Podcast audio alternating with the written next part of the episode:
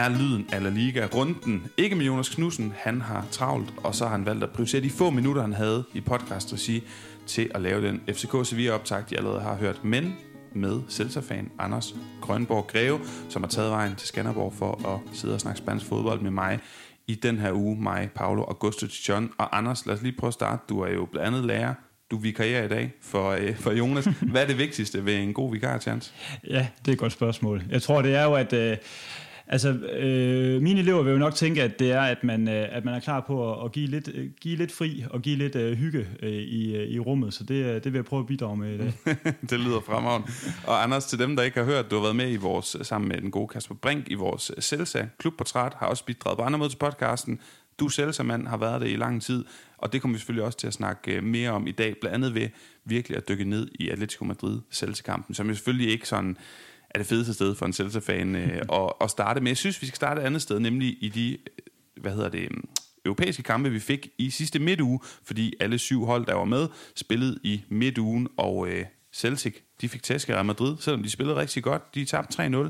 Barcelona vandt hjemme 5-1 over Pilsen. Atletico Madrid, de vandt 2-1 over Porto. Alle mål i overtiden. Og hvor har Atletico Madrid bare ikke været gode i det her gruppespil, og generelt har de været dårlige nu snakker jeg i gruppespillet generelt de seneste år, ikke det her, hvor de selvfølgelig vinder den her kamp. Generelt rigtig dårlig statistik i Champions League, siden de eliminerede Liverpool i den her famøse coronakamp, coronakamp, men dog sekundært selvfølgelig, fordi det er vigtigt for dem at få tre point og gå videre for det her gruppespil, og det ligner det jo også efter det her. Til sidst, sidste spanske hold i aktion, Sevilla tabte hjemme 4-0 mod Manchester City, og Anders og jeg har lovet hinanden og vi kommer til at love jer lytter nu, at vi snakker også lidt mere om Sevilla senere.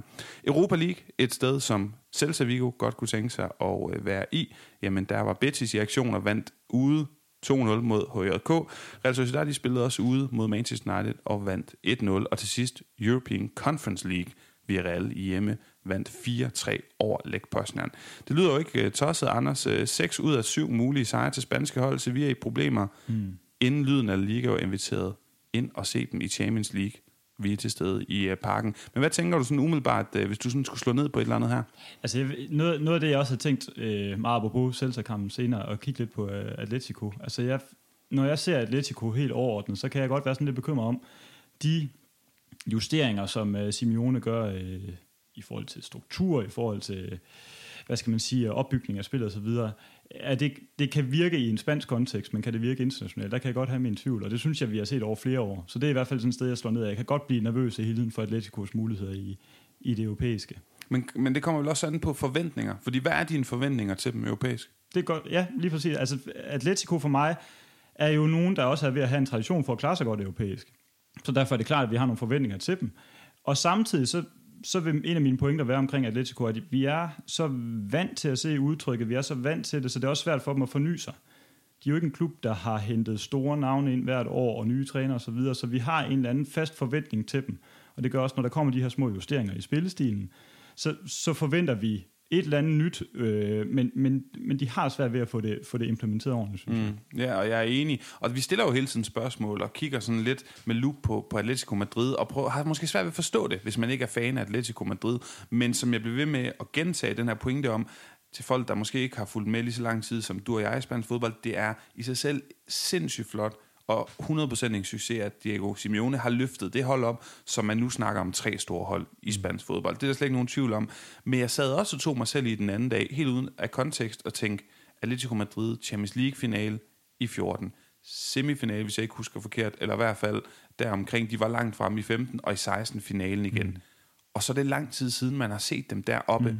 Så måske, at det var, måske det ikke var repræsentativt, og måske, mm. at man ikke skal tage det for at være deres succeskriterie, men et tidspunkt, hvor de over, altså overpræsterer reelt set. Mm, ja, ja og, og, og hvad er standarden for dem? Ikke? Altså fordi, at, at Atletico, jeg synes jo stadigvæk den her historie af, at, at de så meget overpræsterer i det store billede, men når vi netop går ned i sådan nogle, øh, hvad skal vi kalde det, sådan nogle mikroniveauer af to-tre års intervaller, så er det måske der, hvor de bare er peaked, og så er det det, vi kan forvente. Ikke?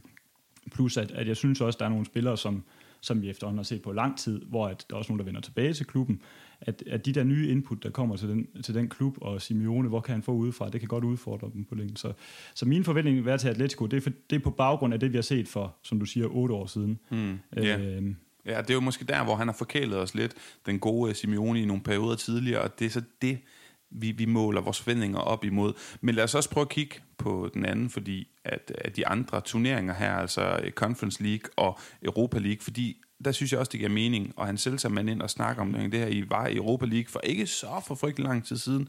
Og, og Jonas og jeg prøver tit i podcasten at snakke om det her med subtopholdene, og hvordan skal man rangere dem, og så videre.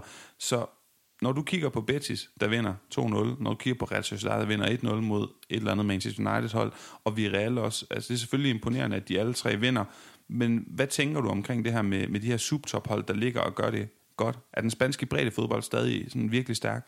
Det er den. Og, og, og mit indtryk er også, at den, de spanske klubber er bedre til at mobilisere en interesse for de her europæiske kampe. Vi kommer jo ofte til at lave sammenligning med de engelske hold, og vi ser igen og igen engelske hold, der skuffer lidt, eller får nogle sådan lidt uh, resultater, man ikke havde forventet. Men det er som om, de spanske klubber, de tager det seriøst, når de går ind i det. Uh, Betis, uh, som jo bare har en, en vild uh, fangruppe, Sociedad kan godt klare sig ude på, på Old Trafford, fordi de går ind til det med, med en helt anden uh, engagement, tænker jeg. Og det synes jeg jo siger meget om spansk fodbold, at de faktisk tager det ret seriøst, og har en ret stor respekt for de her turneringer. Øhm, og for det første er der nogle konf- øh, hvad hedder det, koefficientpoint på, på spil, men jeg synes også i forhold til klubbernes historik, der er det med til at bygge dem op. I forhold til Celta, der kunne man godt tage den historie med, da vi var i 17-18, var med i semifinalen i Europa League, at det er jo noget, der sidder meget nært i folks bevidsthed, når vi snakker europæisk fodbold i Vigo. Og, og det er jo fordi, man i, i det år tog det seriøst. Også selvom man det ikke lå til, øh, hvad kan man sige, til højrebenet, at Berizzo skulle satse på, på øh, Europa League, så gjorde han det, og nu er det en del af historikken omkring klubben. Så, så jeg tror, at de her klubber, de, øh, de er meget bevidste om, at det kan have en stor indflydelse på, på, på historikken og på hele den uh, kultur, man får skabt omkring en klub. Mm, ja, altså det er jo noget, de tænder på nede i Spanien, de her cup runs, mm. øh, og cup både øh, ja, lokalt øh, med, med Coral men selvfølgelig også i de europæiske turneringer kunne vise sig frem. Motiv for stolthed, det siger sig selv. Jeg kommer til at tænke på, at, at Sevilla, for Sevilla er det jo ikke det store. De har jo været langt frem før vi er reelle semifinalen Champions League sidste år, vundet Europa League, men for et Celta Vigo-hold, der, der aldrig har sådan en stor anerkendt titel at bryste sig af, er det Albetis, som jo heller ikke sådan har de senere år, altså de har jo også været med ligesom Celta her i 21. århundrede i gruppespil af Champions League, men det der med at komme længere frem, altså der tror jeg mange af de her øh, hold og de her fans af, af hold som Real Betis, Real Sociedad, Celta og så videre, at, at de vil faktisk måske hellere end at få øh, være sådan en prygelknap i Champions League-gruppespil, så vil de hellere komme langt i Europa League. Ja, synes jeg er en god pointe. Og at, at, at man vil hellere, hvad kan man sige, øh, få det ind under huden af, at vi har en fest omkring det, vi har nogle succeshistorier, vi har noget at gå videre med, øh, vi har en, en, en kultur, der bliver vist frem i udlandet, frem for netop, som du siger, en prygelknap, eller, eller noget, vi, hvor vi ikke bliver matchet rigtigt. Så, så jeg, synes, jeg synes, de her Europa League og Conference League nu, de passer rigtig godt til spansk fodbold. Mm. Og øh, Sevilla, der taber, den tager vi lige ned i runde gennemgang. Men til sidst her i den her indledning, Noticias afdeling, inden vi, øh, vi går på en breaker. Hvad tænker du, Anders, om Real Madrid og Barcelona? Selvfølgelig to flotte sejre her i midtugen, og øh, de følger sig op med to flotte sejre, kan vi allerede røbe nu i den mm. ligarunde, vi har haft er vi tilbage sådan, hvor vi snakker de helt altså, gamle tider? Det, det er de jo også i gang med på TV2 Sport, der snakker i kommentering. Nu kommer vi op på de nærmest 100 point, og det bliver helt vildt mm. med Real Madrid og Barcelona. Er du allerede overbevist? Jeg kan røbe så meget, at det er jeg måske ikke helt endnu. Jeg er heller ikke overbevist. Altså, jeg er overbevist om, at øh, den ene, det kan vi vende tilbage til, hvem det er, men den ene har ret godt styr på at manøvrere, når der kommer nogle små udfordringer, hvor den anden mangler nogle alternativer. Øhm, så kan seeren sidde og gætte på, hvad det kan være. Men jeg synes, der er nogle forskelle i, hvordan deres fremtid ser ud, sådan lige på den korte bane. Og jo, jeg tror, de, de er jo godt kørende begge hold. Men jeg tror, at, øh, jeg tror, at der kan, der, det er ikke så enkelt. Det kan vi dykke lidt ned i. Og så til allersidst. Jeg har spurgt øh, Jonas, jeg har spurgt Nicolai Lisberg, jeg ved ikke, om jeg selv har været på banen. Seks hold, undskyld, syv hold i, øh, i de her tre europæiske turneringer. Hvor mange går videre? Jeg tror, Nikolaj mente 6. Han mente, at uh, Sevilla faldt ud. Mm. Jonas er helt sikkert også optimistisk. Jeg, jeg, jeg siger 5 så. Jeg tror, at Atletico får det svære. Atletico får det svært, ja. trods en sen sejr. Og ja, som vi optager her, så er det jo allerede i morgen, at flere holdene er i aktion igen i Champions League, og så igen onsdag, og altså også kampe i Europa League og European Conference League torsdag. Med de ord, den indledning, så tager vi lige en breaker, og så kommer runde gennemgang på den anden side af den.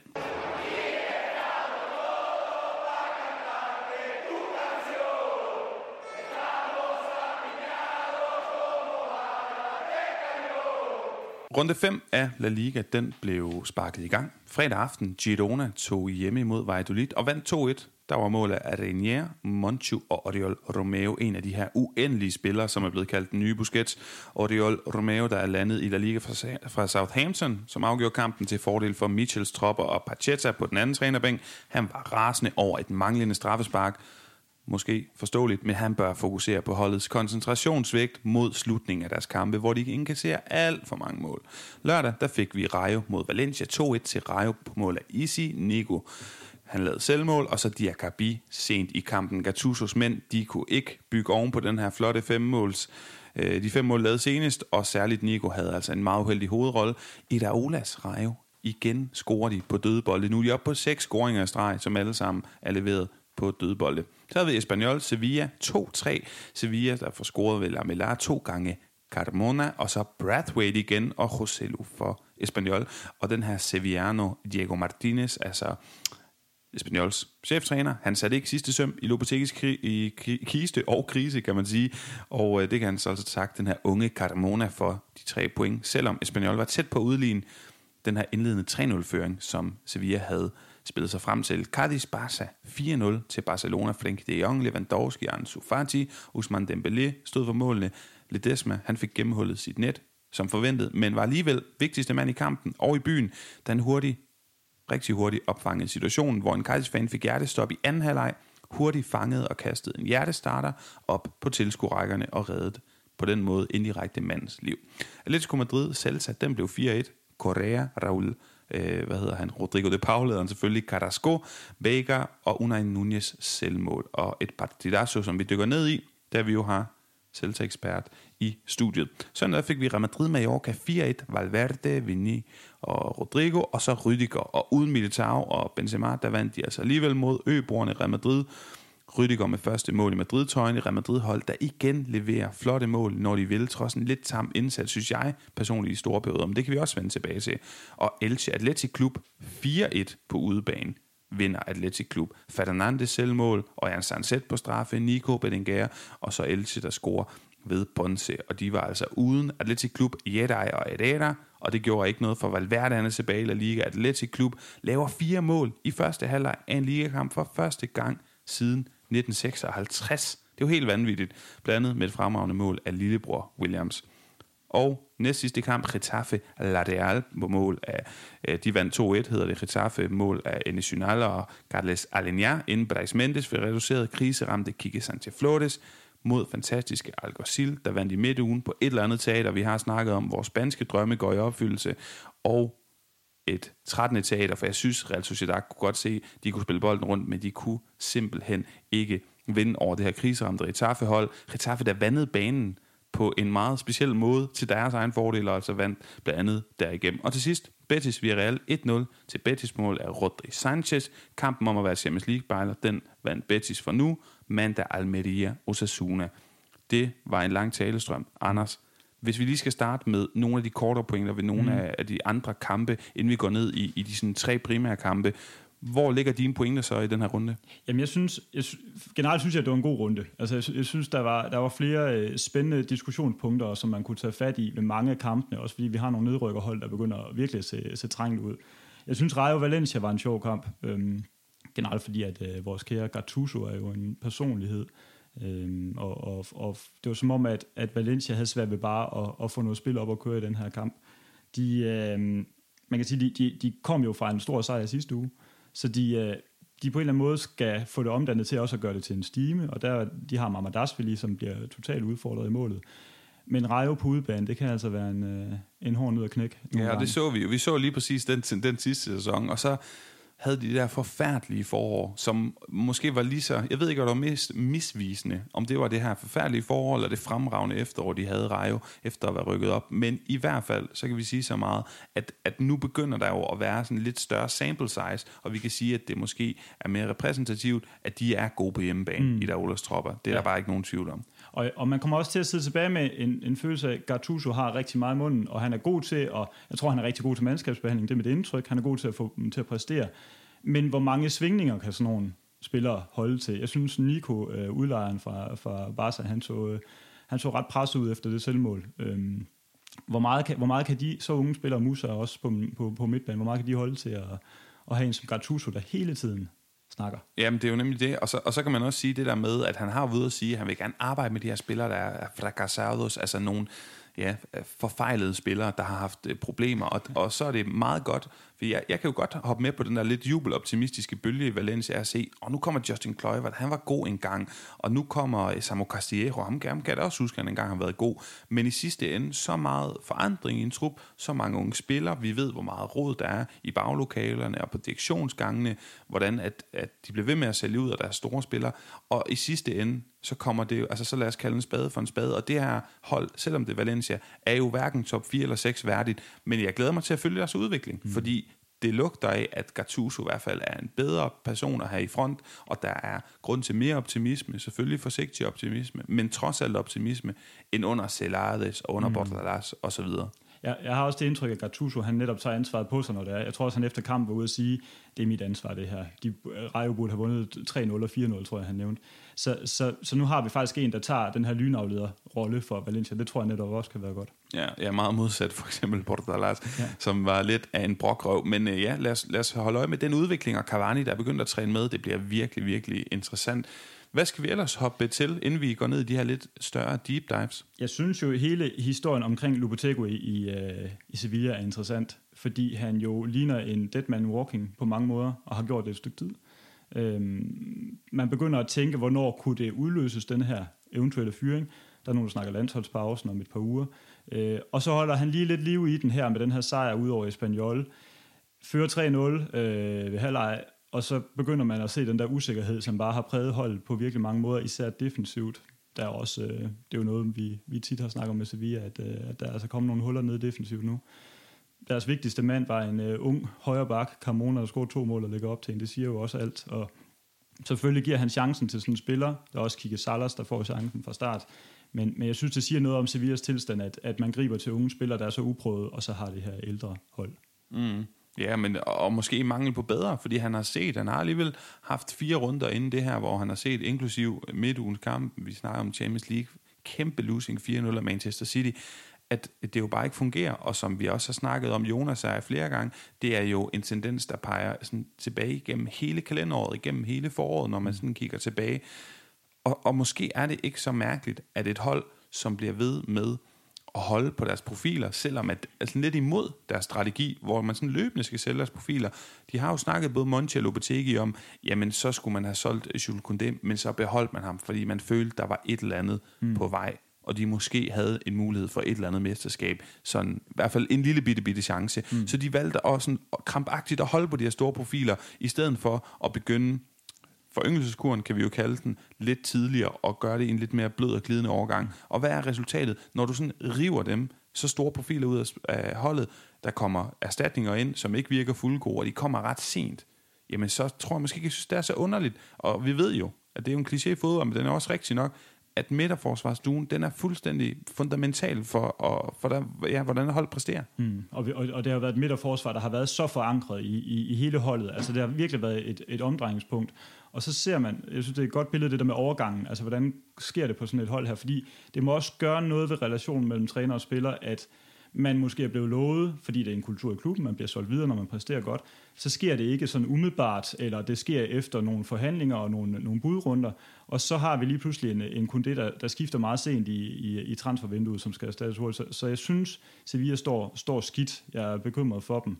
Øh, Espanol modstanderen begynder også at se lidt skidt ud.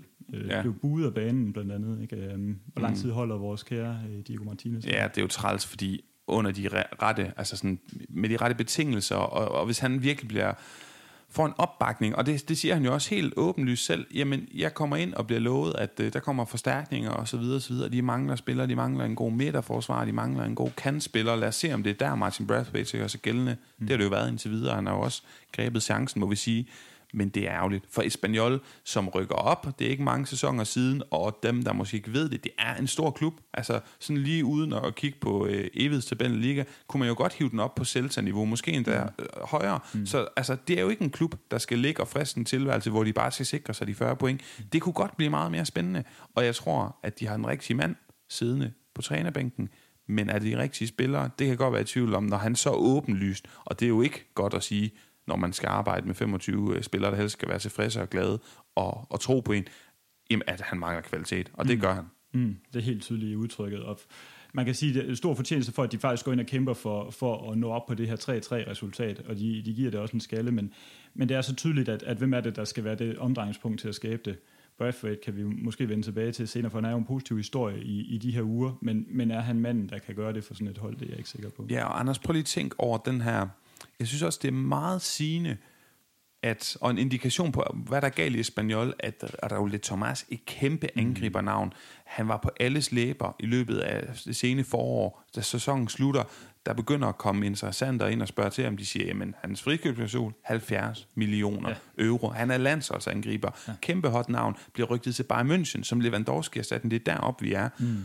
Og hvad sker der? Nu, sælger, nu sælges han til Rayo for 8 millioner euro mm. midt i et vindue. Han skal ikke træne med Espanyol, selvom det er 1. januar, at, at uh, aftalen gælder fra, fordi at der simpelthen er så store problemer mellem ledelse, træner, spillere og så videre. Altså det er et stort virvar. Fuldstændig. Og, og, og i forvejen er vi, er vi lidt fattige på gode spanske angriber. Ikke? Man kan sige, at den værdi, som han havde, der kan jeg jo godt forstå en, en forhandlingsstrategi at sige, nu har vi refereret til, til en frikøbsklausul, men vi ved alle sammen, de ligger meget højt i Spanien.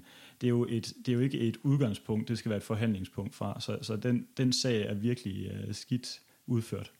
Ja, og for lige at færdiggøre øh, Sevilla forlydende om, at det har været billigere for Sevilla at fyre Lopetegi, hvis han ligger på i nedrykningszonen, altså 20., 19. eller 18. pladsen, og før den her runde lå de på 17. pladsen, nu er selvfølgelig rykket op i tabellen, men stadigvæk jo altså uhyggeligt, hvis det er det, de er gået og ventet på, mm. Monchi og, øh, og så videre og company. Men øh, jeg synes, vi skal, vi skal hoppe videre, fordi øh, jeg har stadigvæk, og jeg synes, jeg har nævnt den pointe i, i, altså over flere gange, jeg synes stadigvæk, det er en god træner, et godt setup i mm. Sevilla, og en god trup, som må ikke, at de kommer på spor på et eller andet tidspunkt. Så er spørgsmålet, om de er tålmodige til at vende på det, og hvorvidt det er et godt nok spor, de kommer ind på. Hvor skal vi hoppe øh, hen, Anders? Øh, Betis Villarreal søndag aften er jo også mm. noget, vi kiggede meget frem til. Jeg synes, ja. kampen var spændende, den var levende, og Villarreal, der brænder mange chancer og så videre. Men ja, jeg kunne bare godt se nogle flere mål. Ja, det er nok også det, man sidder tilbage med. Jeg synes jo, altså på papiret inden kamp, så tænker man den her jævnbyrdige, gode subtop-kamp, i mine øjne, begge kandidater til, til en fjerdeplads. Øh, jeg kunne også godt, jeg hopper lidt på dit hold og siger, at Atleti kunne godt være med i den pulje der. Men hvor vi virkelig har sat os op til, okay, nu ser vi også, øh, hvor er kvaliteten i de her to hold. Og jeg vil også sige, at, at det svingede jo enormt meget. Jeg synes, vi allerede havde stor ære af første, øh, første halvleg. Betis kæmper sig ind i anden halvleg, får de chancer, der skal til. Og så er det nogle marginaler. Men der er også nogle spillere, der begynder at træde i karakter, som jeg ikke lige havde forventet. Hvem er det? Det vil være sådan en som, som Luis Enrique, øh, som jeg synes var enormt aktiv, mere end jeg måske havde forventet af en, en forholdsvis ny spiller. Var meget øh, duelstærk, lagde mærke til, også meget udfordrende i sit spil. Han fik ligesom skabt nogle huller over på den der venstre kant. Og, og, og han pyntede rigtig meget på det her hold. Så er der også en spiller som, øh, som Rodri, som er ny, øh, som, som scorede det her endelige mål. Ikke? Altså, jeg, synes, jeg synes, der var nogle nye navne, som, som tonede frem i den her kamp, som, øh, som man måske havde nogle forventninger til, men som, øh, som virkelig viste noget nu. Og, mm. og det er jo de små individuelle kvaliteter, der kan afgøre sådan en kamp. Ja, jeg var helt vild med Rodri. Altså, hold da op. Altså, man tør jo ikke sige det, for det er blasfemi, men ligner jo sådan en lille Messi-klon på nogle punkter, ja. i de der fuldstændig små væver og driblinger. Elektrisk. Det lignede simpelthen, at der var nogen, der havde, altså, altså lynet simpelthen havde ramt ned i ham lige inden kampen. Fuldstændig elektrisk. Og, og, og Messi, det er jo en sjov sammenligning, fordi Messi står for mig, der er sikkert nogen, der vil komme efter mig ved at sige det, men, men, men en vis ydmyghed i at være stille og sådan lidt tilbageholdende, introvert type. Og Rodri, han kan godt lide at være i centrum. Han kan godt lide at tiltrække sig. Jeg synes også, han, han nogle gange er meget selvisk i sit spil. Der er sådan to episoder, hvor han skyder selv, hvor han kunne have lagt den til siden. Men, men det kan jeg også godt lide, fordi det, det, det synes jeg også, Betis har brug for, den her personlighed inde på banen. Mm. Så øh, jo, og så har vi Canales og, og, og vores kære Panda op foran, som jeg jo også synes er, altså Canales er en fornøjelse at se. Ja, og, det, og jeg lagde meget mærke til, fordi han kan jo både bruges på højre kanten, venstre kanten, på tier positionen, tit også i doble pivot, hvor jeg nogle gange synes, han er stærkest, fordi han kan drive bolden frem. Mm. Og her, der var han nærmest ikke tier, der var han sådan en hængende angriber, ja. helt vildt offensiv ja. i nogle situationer, hvor man får lov at se en fart uden bold, når han skal gå i pres og sådan noget. Jeg var meget imponeret over.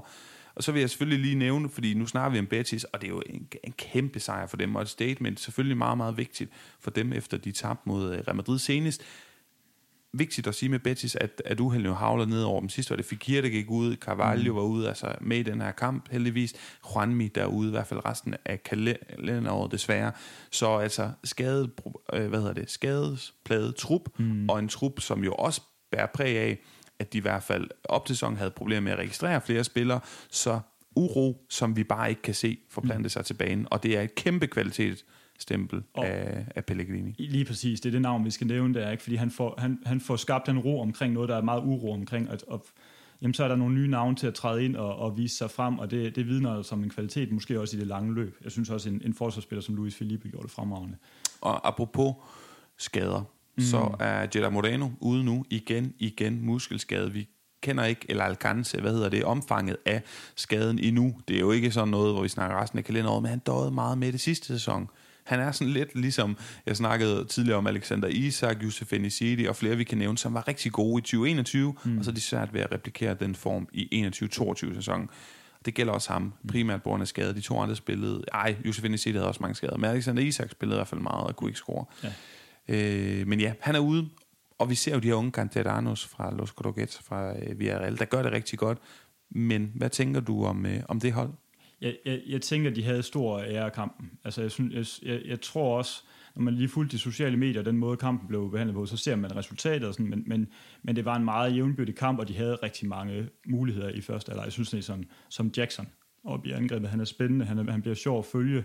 Han mangler noget, øh, noget slutprodukt, tænker jeg umiddelbart, men, men, men jeg synes, han har noget at drive i sig, som, øh, som kan blive rigtig spændende for dem, og er netop en, en, en ungdomsspiller, der, der rykker, rykker fremad nu for dem. Mm.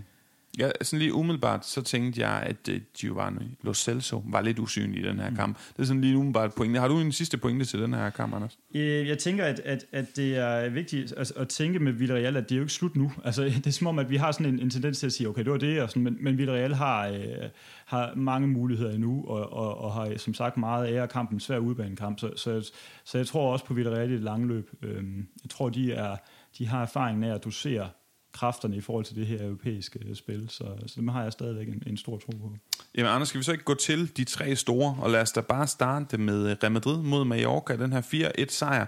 Jeg starter med det statement op i min resultatoplæsning, at jeg var ikke sådan sønderlig imponeret. Og når man så tænker på det, og sådan prøver lidt forceret at putte den overskrift på Real Madrid i løbet af hele den sæson, og måske også sidste, og jeg ved ikke, hvor langt vi skal tilbage, og så kigger på resultaterne og Los Logros, altså det, de opnår, jamen så er det jo meget, altså det, det er jo misvisende. Mm. Der er jo en kæmpe stor diskrepans i det, fordi de har vundet alle syv kampe, de har mm. spillet mm. den her sæson. De har vundet deres første trofæ mod Frankfurt. De sætter bare hold på plads. De scorer.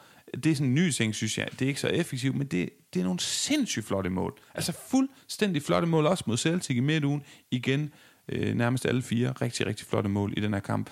Men lad os prøve at starte med, om du er enig eller uenig i det statement. Jeg synes ikke, at det er sådan, man, man sidder og kigger i den her kamp og siger, hold da op, hvor spiller de flot. Jeg har, hele, jeg har, jeg har i alle årene under Ancelotti haft det indtryk af, det er hele pointen, at vi ikke skal være i de der store svingninger følelsesmæssigt, når vi ser Real Madrid, fordi der bare er så totalt styr på det. Altså noget af det, jeg sådan, øh, da, da holdopstillingen kom i går, så er det også noget at kigge på midtbanekonstellationen, synes jeg altid er sjovt med Real Madrid, fordi det giver på en eller anden måde sådan et, et billede af, at jamen, øh, det sprudlende og spraglende, nej, det er nogle navne, vi kender, øh, der er noget rotation i gang, Ancelotti er meget bevidst om det, men det lykkedes bare igen og igen. Altså, der er nogle, jeg synes, første halvleg havde nogle problemer i forhold til, at det blev meget ensartet. Men alligevel er der nogle spillere, som, som jeg synes, han får, øh, får til at præstere, uden at det bliver til sådan noget spektakulært. Og så har han bare en virkelig, virkelig god evne til at, øh, at justere. Altså det her med at, at, at finskrue på de ting, der skal gøres, og gøre det i et helt udstrakt forløb, der hedder 90 minutter så han har is i maven til at tage de indskiftninger, der kommer, og, og til at tage de små justeringer, der skal til. Øhm, vi kan jo snakke om angrebet blandt andet. Altså, øh, hvordan skal man bruge Eden Hazard, som jeg slet ikke synes lykkedes i går. Nej, man skal jo heller ikke bruge ham, må næsten være, være mm. svaret. Det synes jeg altså stadigvæk, selvom det er oplagt at, at rose ham oven på den der midtuge mod Celtic. Men jeg mm. synes, jeg kan slet ikke se, jeg kan slet ikke se, hvordan han nogensinde skal komme øh, sådan tilbage til sit, øh, til sit gamle niveau. Jeg kan slet heller ikke se, hvorfor at en fyr som Mariano, han ikke spiller mere. Og, det, og, det, og jeg ved godt, Mariano ikke er det mest sexede øh, navn i, i, i fodboldsbanen, men stadigvæk. Nå, men nok om det. Men, jeg, men jeg, jeg, har, jeg har en pointe til, for jeg, jeg, jeg tænker det samme. Altså, det er Modric, der kommer ind for Hazard, ikke? Og, og for mig at se, så, så er altså, Hazard leder leder efter det der rum på kanten af feltet. Han kan ikke forvente, nej, vi kan jo ikke sætte ham på kanten, det er han slet ikke hurtigt nok til mere. Men han går ned i banen, og så står han sådan lidt fejlvendt tit, og hvad skal han bruges til? Ind med Modric, få de to angriber, Rodrigo og Vinicius, mere ind i banen, så de kan angribe med noget fart, og så have spillet foran dig med, med Modric. Det synes jeg er løsningen. Jeg kan ikke se den der nier, hvis det ikke er Benzema, som er så specifikt god til det. Nej, nogle gange er det måske også så så simpelt, at man kigger på, hvor er vores bredde stærke som fodboldhold. Mm. Og lige nu har Real Madrid, på trods af salget af Casemiro, seks voldsomt stærke midtbanespillere. Så hvorfor ikke bruge fire af dem?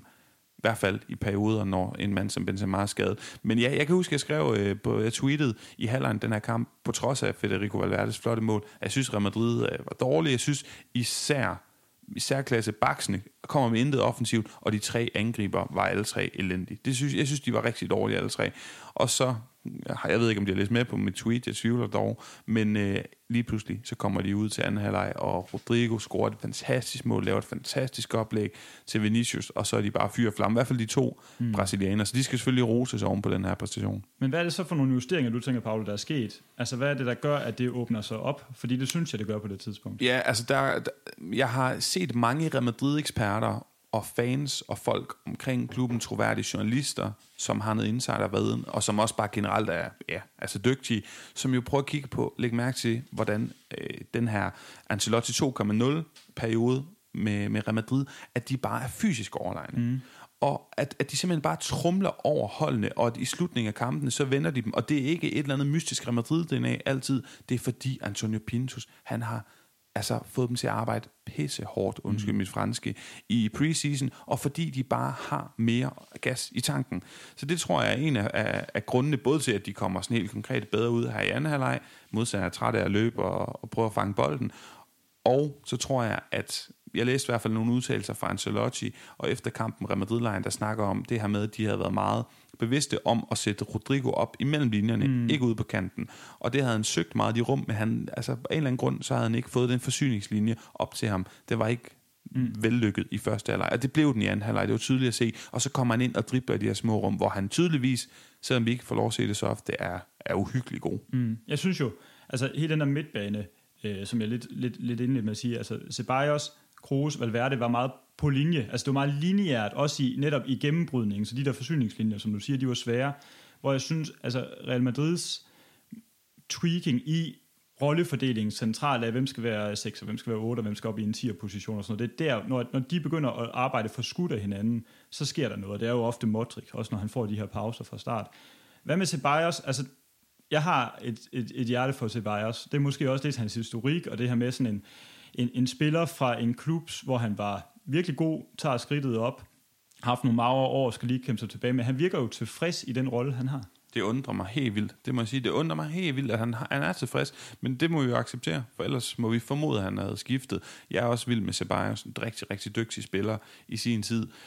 Og en spiller, som i, i starten i Real Madrid, jeg kan huske den her 18-19 sæson, som er dårlig Real Madrid, men faktisk rigtig, rigtig god for ham. Han spiller rigtig godt, så er det lige pludselig lån i Arsenal, fordi han var utålmodig, og nu er han lige pludselig blevet tålmodig. Det er det, der er sådan lidt mm. mærkeligt øh, svært at, at blive klog på.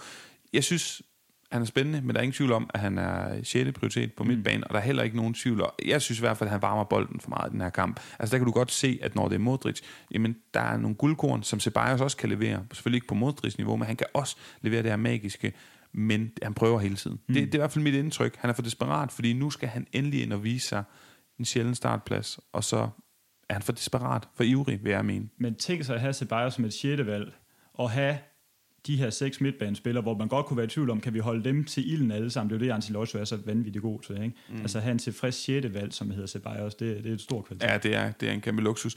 Anders, en sidste pointe, hvis du har det på... Jeg synes, at vi er nødt til at nævne uh, Vinicius, uh, altså selvfølgelig er han, uh, han, han er en dominerende faktor i spillet, men hans, uh, hans dueller mod uh, attityder og, og, og dueller mod uh, Maffeo derude. Jeg ja. synes, det var både underholdende, men nogle gange så blev det jo også... Uh, hvad skal man sige, sådan lidt, altså sådan lidt, lidt tragikomisk, fordi Maffeo bliver frustreret over det, og den følelse kan jeg godt forstå, men der er også det i mig, der siger, jamen, skal vi pille personlighed ud af spillere, og, og Vinicius er ung, han har et drive, han har en, øh, han, han har en lyst og måde at tænke fodbold på. Hvis vi, hvis vi skal standardisere ham, så får vi også, øh, så mister vi noget, noget helt exceptionelt. Fuldstændig enig. Det er vildt de tanker, jeg, jeg gjorde mig, da jeg sad og så det her, fordi kommentatoren lægger også mærke til, at uh, er det for meget, nu skal vi debattere det her, og det gør de også kan jeg sige til dem, der ikke har fulgt med i spansk pres efter den weekend. Det er et samtaleemne. Vinicius attitude. Er det okay, om det ved med sådan nærmest provokerende og, og søge de her dueller og prøve at ydmyge spillerne? Personligt, så synes jeg, mit indtryk er, og det er jo, altså, det er jo svært at sådan, nøgternt sige noget om, at han er en mere sympatisk øh, type end for eksempel Neymar, som man bliver sammenlignet med. Men mit indtryk er også, eller min tanke, når jeg sidder og ser sådan en, en spiller opføre sig på en måde, det er netop det samme, som du siger, den her tankegang, jamen, skal vi til at, at standardisere alle spillere, fordi det er netop det, jeg ikke har lyst til. Jeg synes, det er fantastisk, når nogle spillere, der rager ud, og jeg må også indrømme, selvfølgelig kan man synes, det ikke er efter en smag, man kan også synes, det er fantastisk at se, men jeg tror ikke, man sådan partout kan sige, at det må man ikke, eller mm. det er forkert. Det, det synes jeg egentlig ikke. Og han kan, jeg er sikker på, at han kan også godt lide at provokere spillerne, og så går de på krop med ham. Han kan godt lide det spil der. Mm. Det får ham til at være inde i kampen hele tiden. Og en sidste pointe på, på det her samtale, vi snakker om her, Anders. Jeg synes jo, at når man sidder og falder lidt hen i en kamp, som jo egentlig bare er i gang med at, at hælde mere og mere over i Real Madrids favør, og man så lige pludselig ser nogle af de her, ej, nu dribler han 6. mand, og han er lige ved at miste bolden, og kan Mallorca måske løbe op og score en kontra, og man lige vågner lidt op i sofaen, det synes jeg på en eller anden måde også er fedt. Mm. Altså det, det synes jeg, der er en fed lille ting at se i en kamp. Og, og når jeg vinder weekendens kamp med mine elever, så de der første gear, det er jo, det er jo det er Vinicius, de husker, fordi han har den attitude, og han har den branding omkring sig selv. Det er jo en vigtig point omkring Vinicius, ikke? Jo, no, lige præcis. Ja, men og bare øh, Badis, skulle jeg til at sige, Cadiz, Barcelona, mm. 4-0, de fortsætter bare, de er, de er gode. Og selv om Xavi han sparede mange spillere, han sparede Lewandowski, han sparede Dembélé, han sparede Pedri, og jeg snakkede med flere Barcelona-fans på sociale medier, da startopstillingen kom op. Er det lidt, er det lidt for, for risikovilligt, mm. det her Xavi? Kunne der ske noget? De har en dårlig historik mod Cardis. Cardis, der også har startet sæsonen helt vildt dårligt, men stod det på en eller anden måde ikke skrevet i sol, måneder stjerner, at Cardis lige skulle få point her? Det gjorde det tydeligvis ikke. Jeg, jeg, jeg tænkte, der kunne godt altså ligge og lure et eller andet her, men Xavi tænker tydeligvis også på den her kamp mod Bayern München i midtugen i Champions League, og har jo bare succes, men mm. de fortsætter med at score mål, og han kan spare sine profiler. Men det er jo det, altså, det der ændrer kampbilledet, for der går jo lang tid før de scorer, det er jo, at han netop har sin bænk, og han kan sætte dem ind. Ikke? Men, det, men det er der, hvor man kan blive bekymret, det er lidt det, vi snakker om i indledningen. Man kan blive bekymret for, for, for, hvad mulighederne er for at skifte kampbilledet, når at de ikke er tilgængelige. Altså, når der er en skade eller andet. Og jeg synes jo, når man ser ned over altså startopstillingen, jeg havde måske fem spillere, hvor jeg også tænkte, okay, de, det, var, det var ikke lige dem, jeg havde forventet at se i den stærkeste. Og så ligesom prøve at sætte kryds ved, hvem af dem har så overbevist i den her kamp. Altså hvis jeg nu siger Bellerin, jeg siger De Jong, er også, Frankie De Jong var også lidt uventet i det her, ikke? og så har vi de to op foran med, med Memphis Depay og Ferran Torres. Øh, Piqué kan man også godt tage med lidt i den kasse der. Hvem, hvem synes du så, der har overbevist dig efter den her kamp? Åh, oh, det er et godt spørgsmål.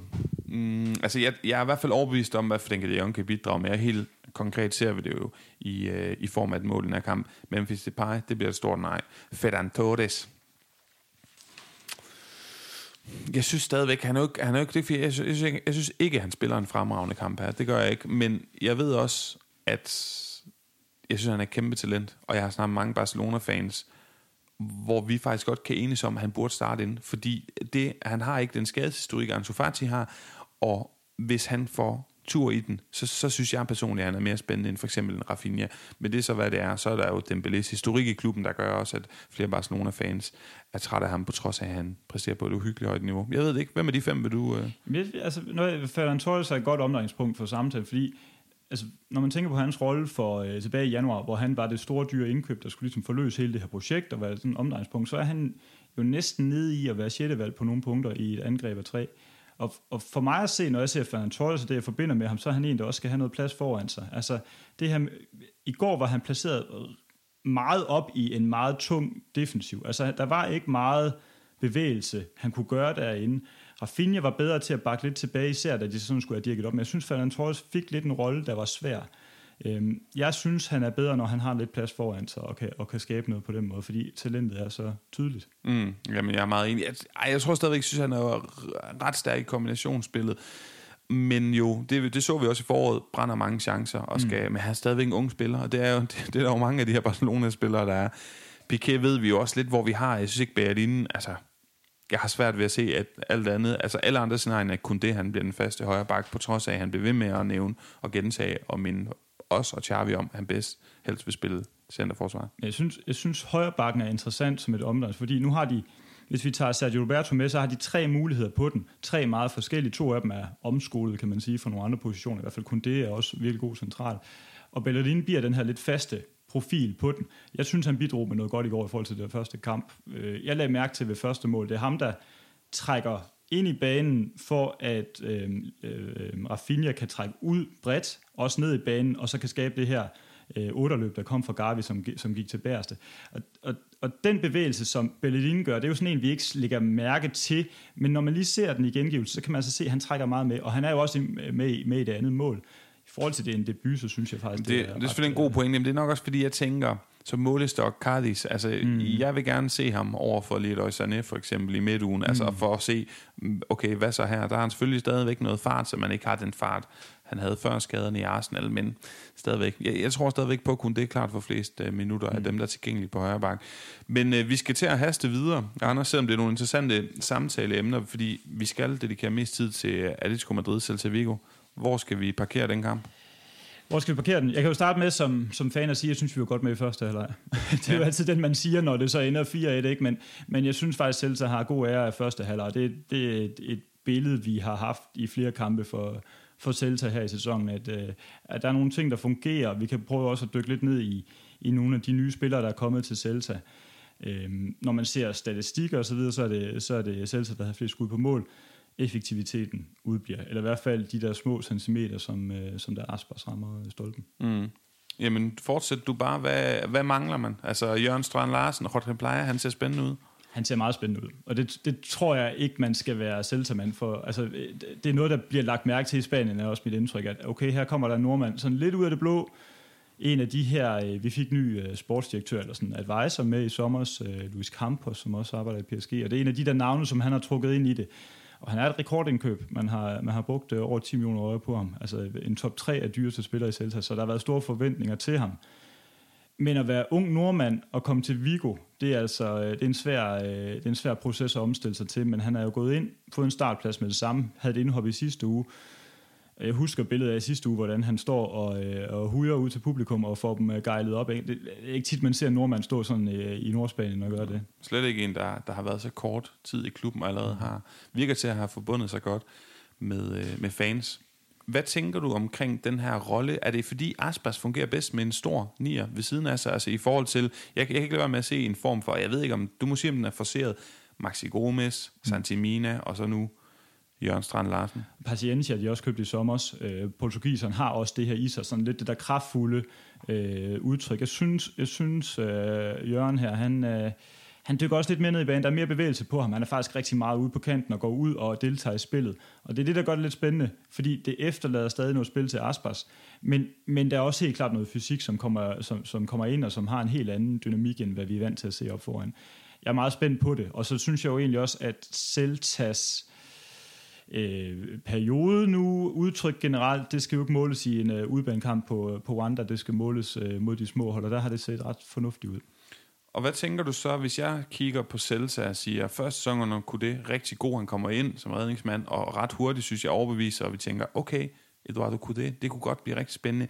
Jeg synes ikke, sidste sæson var, var han får ikke bygget ovenpå. Mm. Og nu kigger jeg på et hold, hvor en masse nye, spændende spillere. Jeg kan sagtens se fidusen i mange af dem, med en ny målmand og et halvt nyt hold, alle mulige steder. Hvad skal vi forvente? Hvad er succeskriteriet for Celta? Jeg tror, at succeskriteriet er, at der er nogle spillere, der udvikler sig. Altså, at, at der er nogle spillere, som får mere værdi i løbet af det her år, end da de kom til. Jeg synes, øh, jeg synes også, der er nogle svaghedstegn stadigvæk. Jeg synes, der er et midterforsvar, der ser mere stabil ud, under Nunez og, og Aidu, altså de her lidt fysiske typer.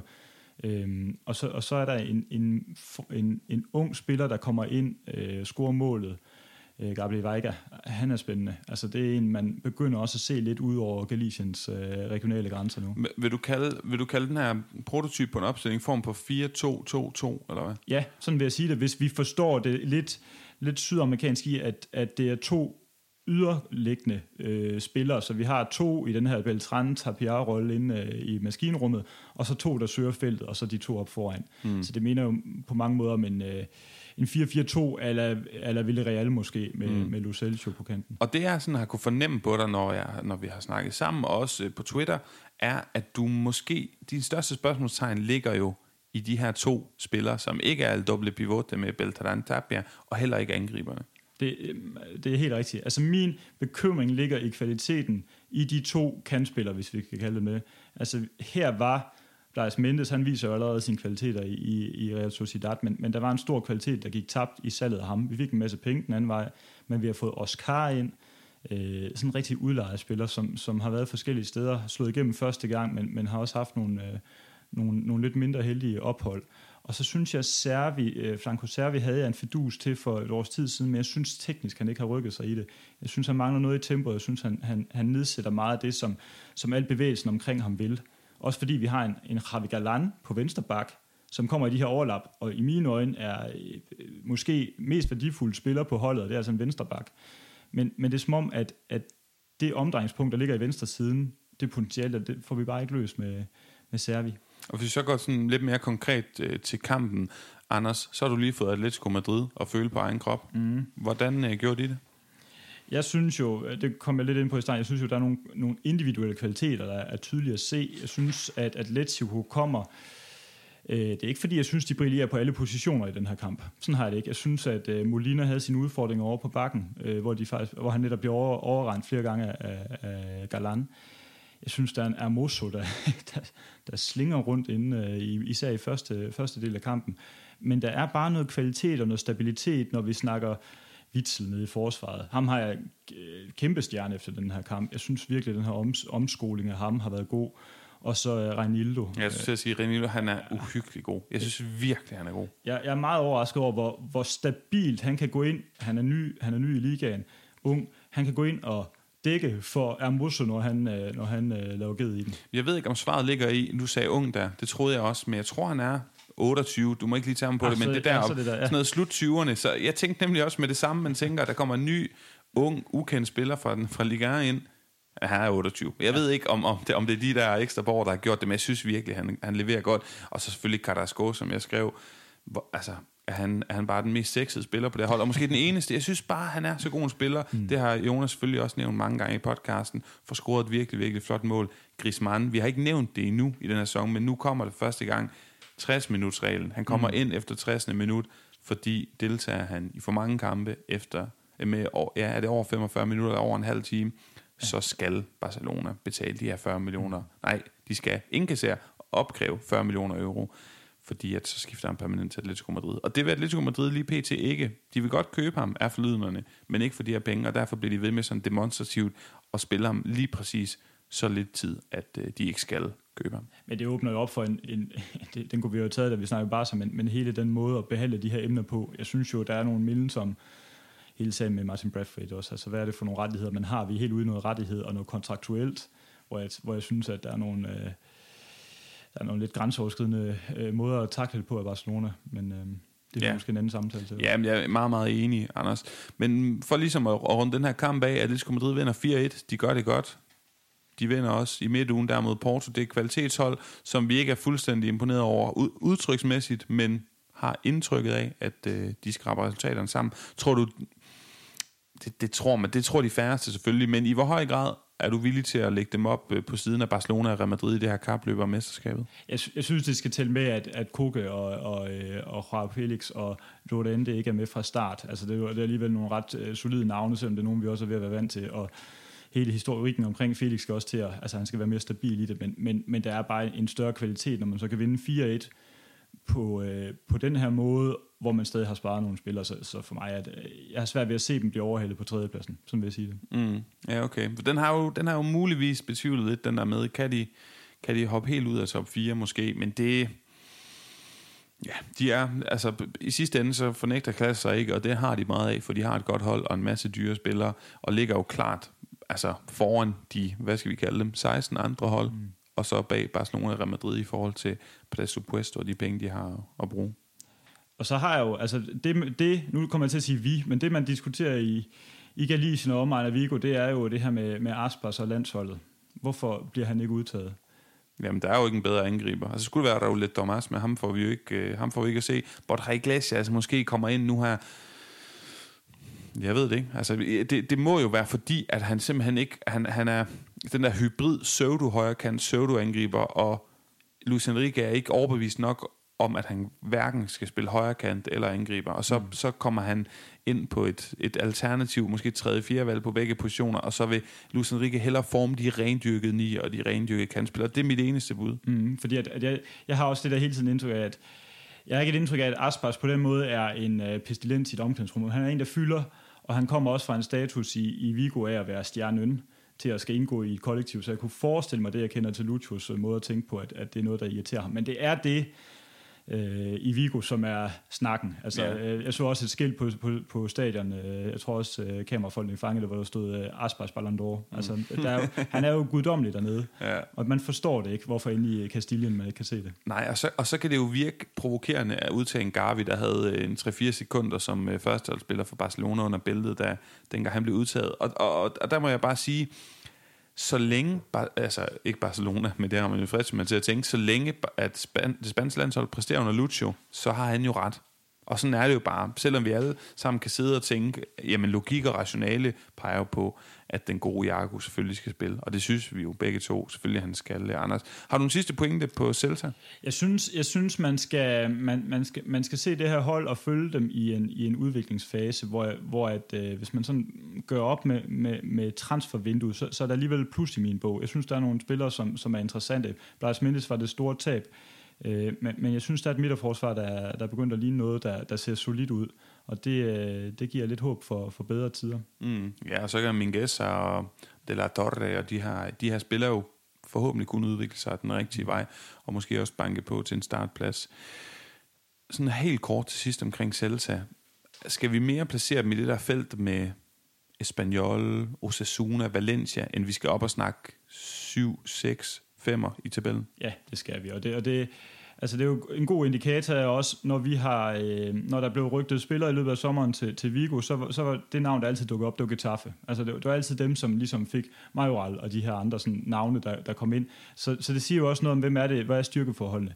Og selv har jeg måske kravlet lidt ned på det punkt. Øhm, det, det må jeg jo medgive. Det er meget godt at vide, fordi man kan godt sidde som Jonas og jeg, prøve at betragte det objektivt og har svært ved ligesom at, at vurdere det, men jeg, der sidder inde i det som fans af de her forskellige klubber, det er så fedt at få jer ind og, og give jer den her stemme, fordi I jo netop også kan bidrage med, så jeg ved, du blandt andet følger rigtig meget galisisk presse, og dermed kan jeg jo fortælle mig sådan noget som, at der er kommet et virkelighedstjek, og at man er kravlet et, øh, et, par, et par hylder ned i forhold til det her. Men der er også hele, øh, nu, nu, nu åbner du op for, for, for alt, hvad jeg kan snakke om, ikke? Men, men hele omstruktureringen, der faktisk har været her over sommerferien af klubben i forhold til ungdom, og den sammenhæng, der har været fra, juvenil op til øh, Celta B og videre op til førsteholdet, hvor de før blev set som sådan tre hvad skal man sige, selvstændige hold, så, så, så er man virkelig gå ind og arbejde på, hvordan får man lavet nogle glidende overgang i det her. Og det er jo det, som Celta skal. Det er jo det her med at, at have et akademi, der fungerer og få nogle spillere igennem, fordi Ja. Blas Mendes blev solgt for 18 millioner euro. Øh, var ikke at kunne godt ligne næste store stjerne på, den, på det niveau her. Så det er det, der er vores, vores mål. Det lyder oplagt. Lad os øh, på den bemærkning tage en breaker og så komme til koringerne, som jo også plejer at afføde rigtig mange øh, gode snakke. Så de kommer forhåbentlig, altså de gode snakke, efter den her breaker.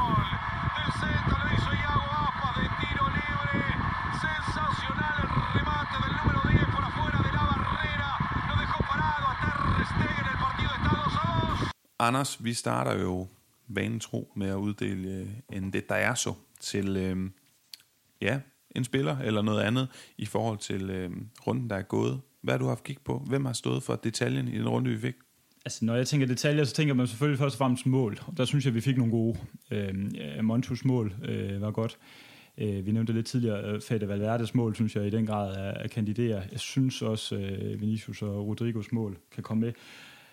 Unals mål for Getafe havde jeg faktisk rigtig meget i overvejelsen, det her frisparksmål, men, men jeg ender med en lidt anden vej at snakke uh, ugens redning, øh, som de sociale medier også har gået på med, med målmand Ledesma, der, der tog øh, den her hjertestarter fra, øh, nu ved jeg ikke, om du kan huske navnet, det er en, en, øh, fysio øh, fra, fra FC Barcelona, kastede den hen til Ledesma, han rendte ud med den til, til publikum. Det synes jeg var et øh, meget, meget, meget fin gestus, og på mange måder en detalje, der, der jo kunne være livsvigtig. Ja, lige præcis. Og viser det. I hvert fald ved vi, at manden overlevede. Vi kan selvfølgelig kun spekulere i, hvad der var sket, hvis ikke Ledesma havde været hurtigt opfattende. Men du har fuldstændig ret. Så altså, og bare lige for at tage de pædagogiske briller og lytterne i hånden, dem der ikke har set det, midt i anden, eller ikke midt i anden halvleg, men det foregår i anden halvleg på Cardiff Stadion. Barcelona spiller. De er foran på det tidspunkt, tror jeg måske 2-0, og lige pludselig jamen så sker der altså det her på lægterne bag Ledesmas mål. En, en fan, jeg tror han er 65 år, en Cardiff-fan, som altså falder livløs om, og har fået, ja, altså, hvad hedder sådan noget, hjertestop. Og derfor, så og synes jeg meget passende, at du sætter det her ord på redning. Vi kalder det ugens redning, og den går selvfølgelig til uh, den gode Ledesma. Jeg har også netop skrevet Monchu, Vinicius Valverde, Rodrigo og Enes Ynal. El Jugon de la Jornada, den spiller, som stod for sine præstationer i runden, der er gået. Hvem har du haft kig på der, Anders? Jamen, jeg kan, jeg kan spille nogle navne ud, og så lad os, øh, lad os prøve at, at, at ramme noget. Øhm, man kunne, øh, det er jo mere på, ikke på, øh, hvad skal man sige, ikke på præstationer, sådan, men, men den gode øh, José Angel Carmona fra, fra Sevilla, som, som får lidt et gennembrud her med to målerne sidst, det er jo ret imponerende, en højre bak på, jeg tror det er 21 år, han er. Øhm, så synes jeg, vi har nævnt Renildo og, og Witzel fra Atletico, synes jeg også kan være med i puljen. Real Madrid bidrager med, der vil jeg nok sige Rodrigo egentlig, øh, for lige at komme lidt ud om de her sådan, altså attityder, hvad der har været med i kampen for Vinicius og Rodrigo. De Jong, synes jeg i den grad også skal med i snakken, og så øh, Lewandowski. Mm. Det er sådan de navne, jeg vil. Enes nu Unal for den indsats, han gør for Getafe, der nogle gange står lidt lidt problematisk i forhold til resultater, men han er vigtig for dem. Ja, hvad Altså, han er jo nærmest en mini Aspers i Madrid i forhold til, ja. hvor vigtig han er, og hvad der var sket med Getafe, hvis ikke han var der. Jamen, øh, mange genganger på min liste, lige umiddelbart, så kan jeg jo godt lide i programmet at give den til de her spillere, så når man kigger tilbage, så tænker jeg, ja, det var den runde, hvor Carmone lige pludselig reddede Lopetegi i virkeligheden, mm. for det kan godt have været tilfældet, at han var blevet fyret her. Vi er i hvert fald ikke langt derfra, hvis ikke uh, Sevilla havde vundet her. Så godt bud, Lewandowski kan vi jo give den til nærmest hver runde. Mm, jeg tror måske, Rodrigo for mig var mere altså sådan i korte, altså glimt, hvor vi ser, hvor sindssygt vild en fodboldspiller, der gemmer sig, der gemmer sig bagved. Hvem havde du mere på listen, sagde så, du ikke? Så, så var jeg også lidt på de Jong. Jeg synes, ja. øh, altså, men det er også set i det lys af, at han skulle ind og bevise sig. Øh, jeg synes også, han fik en ny rolle af Xavi i den her som sådan en felt-til-felt-spiller, hvor, hvor han lykkedes rigtig godt. Mm. Øh, og det, det, det synes jeg også på en eller anden måde premiere at sige det. Ja, altså umiddelbart mellem dem, så hælder jeg nok mest til Lewandowski eller Carmona, og der må jeg så sige, Hipsters Choice, Carmona er altid min mm. favorit som udgangspunkt, men jeg er også klar på at give den til Lewandowski, hvis du er, er mere den vej. Man kan i hvert fald sige, at Lewandowski står med et mål og to assist, men han gør det jo så som indskifter og, øh, og sætter tingene på plads. Mm. Så øh, den er fin med mig. Ja, vi giver den til den gode Robert, som øh, har taget liga med storm. Hvem kunne have fundet på at betvivle det? Så skal vi til øh, ugens Drente og Cruyff, de to hollændere, der stod for henholdsvis en ekstra fornuftig omgang øh, fodbold, og et indtogsband fodbold, og så Cruyff, der leverede lidt bedre. Jeg, øh, min drente, den negative historie, er gået til Udinese. Jeg ved ikke, om du så det her, øh, Anders Udinese, som øh, laver tweet med spanske flag på, fordi at de mener, at det er den øh, kataloniske nationaldag og så har de et billede af Deulefeu, der er katalaner og spanier, og så skriver de tillykke.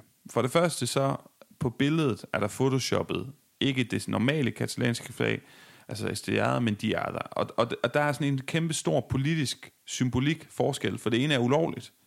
Når man så fjerner de ulovlige flag og sætter det lovlige katalanske flag på, men stadigvæk med spanske flag oppe i toppen, og de forstår ikke ironien i, at, at, at der er en grund til, at det hedder nationaldag. Katalonien ser ikke sig selv som region, men som et land, og så skal de jo ikke smide spanske flag på tweetet.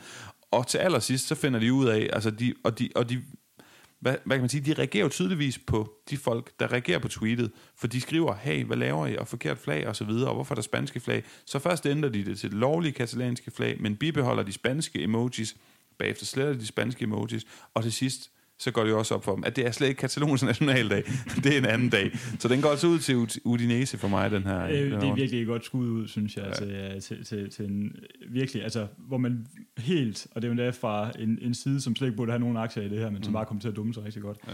Jeg har også skrevet Rajos præsident, den kære uh, Martin Placer på, uh, som angiveligt er blevet... Uh, ja, hvad skal man sige, uh, har fået, uh, har fået nogle... nogle har fået par på hovedet. Par på hovedet, ikke, af, af, agenten til Ole Thomas. Det, ja. Og det er jo det her med, det er jo egentlig ikke sjovt, men der er et eller andet omkring den mand, han kommer altid til at tiltrække sig opmærksomhed. Og, øh, og så står han der i, øh, på, på sit tweet med, med en brækket næse, ser det ud til, og jeg tror endda, han også får skrevet, at hvis jeg bare vidste, det var en, øh, ja. en slåskamp, så var jeg mere klar på det, ikke? Altså, ja, ja. Og, og, og han har bare gjort så meget dumt for den klub, og ja. øh, i forhold til ligestilling med kvindeholdet og så videre. Så, så han er også for mig en kandidat af sådan en, en helt skør kamp. Og så er, det, så er det også bare det med, det er Rejo. Det er sådan en rigtig Rejo-kamp. Ja, nej, jeg synes, det er virkelig, det, det, det sgu virkelig godt kaldt. Også fordi, at der må være mange Rayo-fans, der har siddet og tænkt, jeg er ikke ked af, han lige fik et par på hovedet Nej. der, og vi samtidig får Raul Thomas, fordi man kan jo også tænke, fucker han nu op igen, Raul ja. Thomas, der så gerne vil, altså ligger alle æg i den kur, der hedder, jeg skal tilbage til Rayo, og Rayo, der er ikke økonomisk er stærk, og får ham til en slik, for en slik får de ham. Og så skulle det da lige ende med, at det gik i, i vasken, fordi de kom op og slås. Men det ja. ligner altså, at det her skifte går igennem. Hvis vi går til Cruyff, den øh, gode historie. Vi har snakket om Conan Ledesma, så jeg har valgt at gå med en anden. Ja. Det ved jeg, den gode Valencia-ekspert øh, Søren, som jo også øh, snakkede lidt med det her om på Twitter. Viral, der sælger billetter til en europæisk øh, kamp til 5 euro. Mm. Det er jo Conference League-kampen her. Det er jo på Ciutat de Valencia, Levantes hjemmebane, og ikke Virals, men stadigvæk. Og så fordi, at det jo så ikke ligger i Villa Real, hvor Villarreal har hjemme, tæt på Castellón, men at de spiller deres hjemmekampe i Valencia by på Levante Stadion. Det bliver lidt indviklet, jeg håber folk øh, kan følge med og forstå det. Så tager en masse Valencia-fans til byen, fordi der er jo ikke europæisk fodbold i Valencia fodboldklub. Mm. Og øh, de tager afsted, og det er ikke kun for at se den her kamp. De tropper op i mangel på bedre, også fordi det er billigt, og så bruger de anledning ikke til at lave postyr omkring den her grænvoksne lillebror, vi alle efterhånden er, men derimod Peter Lim, hvad det er. Mm. Og det synes jeg, øh, ja, det synes jeg, det synes jeg var fint. Ja. Fordi havde de nu ødelagt kulissen, det gjorde de ikke. Mm. Det synes jeg ikke, de gjorde. De, de er på en eller anden måde, ja, sådan lidt mærkelig akkompagnement. Men hvis de havde brugt den til sådan at håne Villarreal, ja, så havde det måske ikke været en krøj færdig. Men her synes jeg, den var god. Man kan i hvert fald sige, at de bruger en scene, de ikke altså, nødvendigvis har fået, fået, uh, fået lov til at bruge, men, men der er bare så meget politik i det her, så jeg synes, at, at, at der er også noget, en, en fin gestus, hvis man kan sige sådan i det. Jeg havde også taget, øh, jeg har lidt en forkærlighed for en Jackie Williams. Øh, han er udtaget til Ghanas landshold nu. De skal møde Brasilien og jeg tror, det var Nicaragua. Øh, jeg synes, der er noget fedt i, hvis vi skal til at se ham til, til VM. Jeg er i forvejen sådan lidt med det her VM, og det forstyrrer mit, øh, mit, mit indre kalenderår og sådan nogle ting, men, men, men de her små glæder ved at, at, at kunne se et hold som Ghana, hvor vi faktisk har noget spansk øh, repræsentation i, ud over Uruguay, kunne jeg forestille mig, at vi alle sammen også glæder os til at se Brasilien og så videre. Det synes mm. jeg er meget fedt. Ja, meget, meget enig. Vi skal virkelig holde øje med dem. Og fedt, at det er jo ikke altid, at Atletic Klub-spillere, de skal repræsentere lande, og slet ikke andre lande end det spanske, til øh, en stor slutrunde. Så helt enig i at holde øje med ham. Anders, til sidst, så har vi bare en forudsigelse frem mod kommende runde. Ja, Har, altså, du, har du kigget på øh, kampprogrammet? Ja, det har jeg. Jeg synes, øh, altså vi har jo storkampen i, i Madrid. Det er sådan en, man, man virkelig gerne vil være til stede i på en eller anden måde, fordi der er bare noget på spil hele tiden i de her kampe, og, og de kommer jo også lige fra europæisk. Øhm, jeg, har stadig fidus til Real Madrid i det. Jeg synes, at de spiller så klogt, og de her små rotationer, som, som uh, Ancelotti har så fint styr på, så jeg synes, han doserer sin spillemængde så godt. Jeg har ret stor tiltro til, at de i hvert fald fortsat point med fra, fra Wanda. Ja, El Derby Madrileño, du snakker om her. Jeg har været, jeg har været heldig at være til, har jeg været til tre, i hvert fald været til to, og øh, fantastisk kulisse. Har man muligheden, så skal man ned og se det her. Og man kan mærke, hvordan byen selvfølgelig lever under, for det er, at der er mange flere Atletico-fans i Madrid by, end man lige går og tror. Og så kommer man også til at kunne mærke, når man er til stede til de her kampe, at det betyder så meget. Hunderetten er så vigtig. Der er ikke noget Atletico Madrid som, fag, som klub, og deres fans generelt heller vil end at smide en sten i skoen på Real Madrid. Og omvendt, der er ikke noget værre for Real Madrid, end hvis de snubler mod Atletico Madrid. De kan altså tabe tabt til tre kampe, så længe de bare vinder. Og det kan være en 5-0 udklassering, men det kan også bare lige være et heldigt 1-0-mål på øh, noget, der i virkeligheden var offside, eller et, et tyndt straffespark. Det er håneretten, den er så essentiel i de her, øh, i, i El Derby Madrileño navnligt og vi er bare på et tidspunkt i sæsonen, hvor man kunne sige, den kunne godt blive udvandet lidt af, at der er alle mulige andre resultater, men jeg synes alligevel, der er så mange historier i gang omkring begge klubber, så der er så mange små pinpoints, man kommer til at sidde og holde øje med, så det gør den bare rigtig fed. Og Real Madrid, der jo stadig har vundet alle deres kampe i indeværende sæson, kan det her blive første gang, at de, de ikke kommer med, øh, med tre point hjem fra en kamp øh, jeg vil sige, at, at mit, jeg har også kigget på den her kamp, det jeg hørt dig sige, det er, at Real Madrid i hvert fald får et point, hvis ikke alle tre. Det er jo sådan lidt en sikker gardering, mm, men jeg er, også godt, ud, ja. jeg er også ude i en lidt sikker, mm. sikker gardering her, Anders, fordi det eneste, jeg vil sige, det er, at jeg ved, Alvaro Morata scorer i den her kamp. Mm. Både for narrativet, men også fordi, jeg synes, det er lidt overset, hvor godt han har gjort det, siden han kom tilbage, øh, og altså tørner ud for Atletico Madrid nu, og det er også min holdet.dk mm. øh, anbefaling. Køb Alvaro Morata, fordi det gør ham til anfører, for han skal nok komme til at score. Ja, han er dyr, er han ikke det? Jo, men han er jo ikke Karim Benzema Lewandowski-dyr. Mm, og øh, jeg er i tvivl om, om Benzema det er tvivlsom, at han bliver klar. Lewandowski scorer jo altid, men ham har alle andre også. Mm. Så det er også en taktik ind på holdet.dk. Køb ind, alle ikke har. Ja. Jeg synes, hvis man skal pege nogle andre kampe ud, så, så seværdige kampe, Villarreal Sevilla selvfølgelig. Øhm, der er noget på spil også. Jeg har en ret stærk tro på, at Villarreal kommer tilbage på sporet her, og måske kommer til at daske lidt igen til, til den kære Lopetegui, og øhm, jeg synes egentlig også, at Atletic Rayo lyder ret, øh, det lyder som en underholdning. Iraola Derby.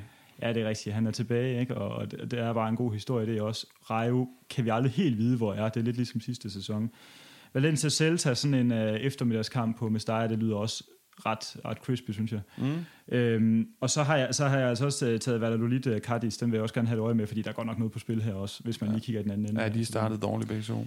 Hvad med holdet DK? Har du et par anbefalinger til lytterne? Jeg, jeg, jeg tænker, at uh, Betis er, er, er et godt uh, skud i forhold til Girona på hjemmebane. Altså, den, den, den synes jeg ligner noget. Og så har jeg været inde og kigge lidt på, hvad, altså, kigge på de gode tilbud. Der, der vil jeg jo nævne, som vi har været inde på tidligere, Rodri og Luis Enrique, uh, som ligger faktisk ret billigt, begge to under, mm. under fire, den ene og under tre også. Barca må jeg også gå ud fra at vinde over Elche. Der kunne man godt nævne en, en de Jong, hvis han er på genvalg. Øh, Bellerin, hvis han, øh, hvis han får lov. Han koster 3,6. Det synes jeg egentlig er en god pris for en, for en bak. Øhm, og så hvis man skal prøve at kigge lidt anderledes, jeg synes jo nogle gange, så er virkelig råd til de der øh, alle sammen fra top 3 holdene, så hvis man skulle se på en målmand, måske, det er tit sådan en position, man skifter lidt ud på, ved jeg, der kunne det være Valladolid's øh, Arsenio eller, eller Mallorcas Rajkovic, som, som godt kunne holde et, et, et bur rent måske i de to kampe fremragende, Anders, men så er der i hvert fald nok at tage og, og kigge efter, hvis man skal sidde og, og fifle lidt med sit hold frem mod kommende runde. For nu er der ikke andet at sige end uh, tak til dig, Anders. Tak skal du have, tak for invitationen. Det var fremragende, fremragende vikarieret.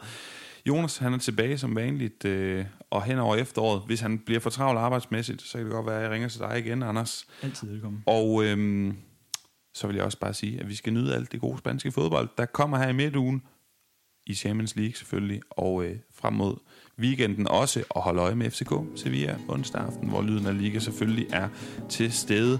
Tak fordi I lyttede med, og vi lyttes ved.